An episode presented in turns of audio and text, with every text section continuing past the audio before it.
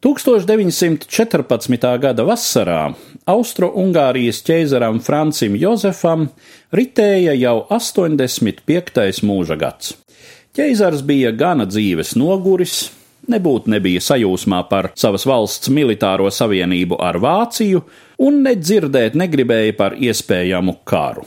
Par nelaimi visai pasaulē impērijas ārlietu resora vadītājs Leopolds Bertolds von und zu Ungaršits bija gados krietni jaunāks un raksturā krietni nenosvērtāks vīrietis. Un, kad serbu teroristi Sarajevā noslepkavoja Austro-Ungārijas troņmantnieku Franci Ferdinandu, ministrs uzskatīja par labāku nemaz neapspriest situāciju ar sirmo monarhu, bet gan pats uz savu galvu nosūtīja serbiem ultimātu ar acīm redzami pazemojošām prasībām.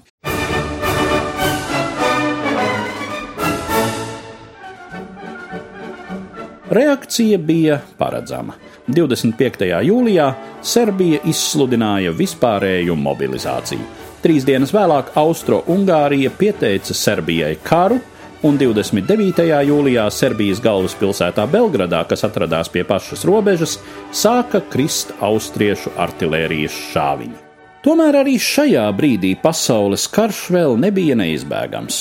Konflikts starp Habsburgu ielāpu monarhiju un jauno enerģisko Serbijas valsti varēja palikt lokālā līmenī un beigties visdrīzāk ar impērijas apkaunojošu piekāpšanos, ja vien, ja vien arī citur Eiropā pie varas grožiem nebūtu ministram Fon un Cu Ungaršicam līdzīgi vīri spēka gados ar attiecīgām ambīcijām un vēlmi rīkoties.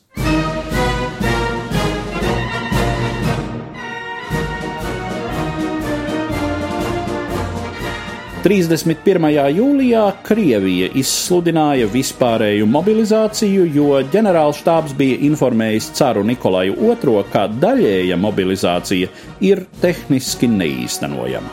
Arī Krievijas sabiedrotā Francija jau pirms desmit dienām bija steidzami atsaukusi no atvaļinājuma virsniekus un nepārprotami gatavojās karam. Tajā pašā 31. jūlijā Krievijai ultimātu iesniedza Vācija. Vai nu cara impērija atsauks mobilizāciju, vai arī Vācija to uzskatīs par kara pieteikumu. Atbildes termiņš bija noteikts 1.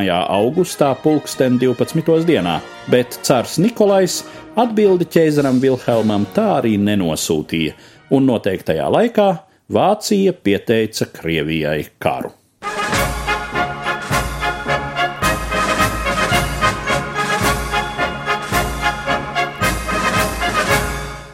No šī brīža globālais konflikts jau bija nenovēršams, jeb varbūt tomēr. Ir zināms, ka naktī no 1. uz 2. augustu Carskoja selo pienākusi vēl viena telegramma no Berlīnes. Ķeizars Vilhelms II, tas pats, kuru vēsturē tradicionāli pieņemts uzskatīt par galveno kara kurinātāju, rakstīja savam otrās pakāpes brālēnam, caram Nikolajam, aicinot vēlreiz pārdomāt un tomēr neuzsākt kara darbību. Nikolais neko neatbildēja arī šoreiz. Stāstīja Eduards Liniņš.